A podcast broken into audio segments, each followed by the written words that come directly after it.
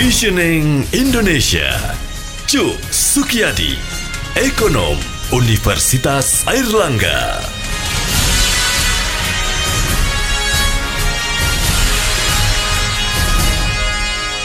Mitra bisnis Presiden Joko Widodo meminta Menteri Keuangan Sri Mulyani Indrawati mengkaji kembali pemberian THR dan gaji ke-13 pegawai negeri sipil pada tahun ini karena pemerintah sudah terlalu banyak mengeluarkan belanja untuk penanganan penyebaran pandemi virus corona atau COVID-19 di Indonesia. Setelah mengeluarkan paket stimulus ekonomi jilid 1 dan 2 belakangan, pemerintah bahkan mau tidak mau harus menggelontorkan anggaran lebih dalam hingga mencapai 405,1 triliun triliun rupiah untuk penanganan dampak penyebaran virus corona. Meskipun belum direalisasikan, namun kebijakan ini setidaknya sudah mendapat respon publik yang beragam. Sebab pemerintah sampai harus mengeluarkan peraturan pengganti undang-undang Perpu karena perlu mengotak-atik anggaran pendapatan dan belanja negara 2020 yang sudah disiapkan. Baik, mitra bisnis bersama saya Yolanda, kita akan berbincang tentang hal ini dengan ekonom Universitas Erlangga Cuk Sukiyadi. Pak Cuk, bagaimana Bapak menanggapi hal ini? Semua orang sekarang sedang menderita, Mas. Anda melihat banyak perusahaan-perusahaan swasta yang justru sudah PHK, ya kan? Ada yang sudah mulai motong gaji karyawannya, ada yang banyak dibayar separuh, ada yang 75 persen. Sekarang ini ya, jadi kalau ASN juga diminta untuk berkorban untuk bangsa dan negara ini, saya kira wajar. Ya, jadi hanya kemudian bagaimana apa perimbangannya, misalnya kalau THR, gaji ke-13, misalnya kalau golongan 4 itu dipotong berapa persen, kalau golongan 3 tiga berapa persen, golongan dua berapa persen, golongan satu berapa persen itu saya kira yang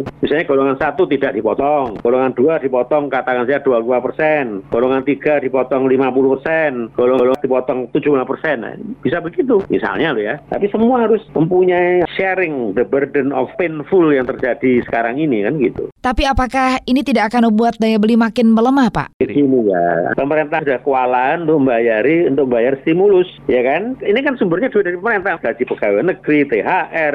Nah kalau pemerintahnya sudah sudah menunjukkan bahwa ini sudah terlalu berat bagi kami, ya tentunya pegawai negerinya harus paham dong, ya kan? Oh, pegawai swasta aja sudah sudah berkorban kok, apalagi pegawai negeri yang hidupnya lebih terjamin, kan gitu. Jadi sama saja. Jadi andaikan pemerintah nggak bayar pun nggak nggak bisa apa-apa kan. Jadi jangan biarkan pemerintahmu bangkrut. Setuju? Kalau itu bangkrut malah sudah selesai nanti. Tidak ada lagi THR, tidak ada gaji ke-13. Jadi oleh karena mari baik pemerintah, pegawai negeri sipil dan sebagainya saling berbagi beban. Ini penting ini. Bahkan kan semua misalnya saja pihak perbankan diminta untuk tidak nagih, ya kan? Semua berkorban. Nah inilah yang saya katakan menyelamatkan ekonomi itu penting. Karena apa? Karena kalau ekonomi itu ada, baru nanti kita tuh bisa punya kegiatan-kegiatan yang lain. Orang kan baru tidak pernah mikir ekonomi. Ekonomi itu adalah yang kita hadapi setiap hari. Betul. Kalau Anda nggak punya duit gimana? Untung kita bukan termasuk teman-teman yang sekarang bisa makan apa tidak kan pertanyaannya. Jadi kita harus berpikir untuk orang yang paling rendah.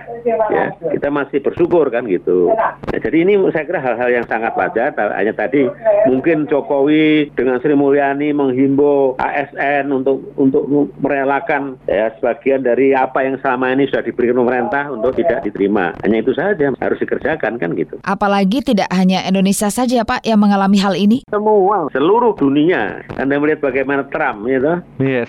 Jadi semua harus paham, semua harus tahu bahwa kita sekarang menderita bersama. Nah, yang terang bahwa kita harus yakin dan Jokowi dan kabinet harus harus betul-betul menjaga betul bahwa mereka adalah orang-orang yang jujur, orang yang amanah dan tidak akan memanfaatkan apa pun dari krisis ini kan gitu. Demikian ekonom Universitas Erlangga Cuk Sukiadi, saya Eva Yolanda.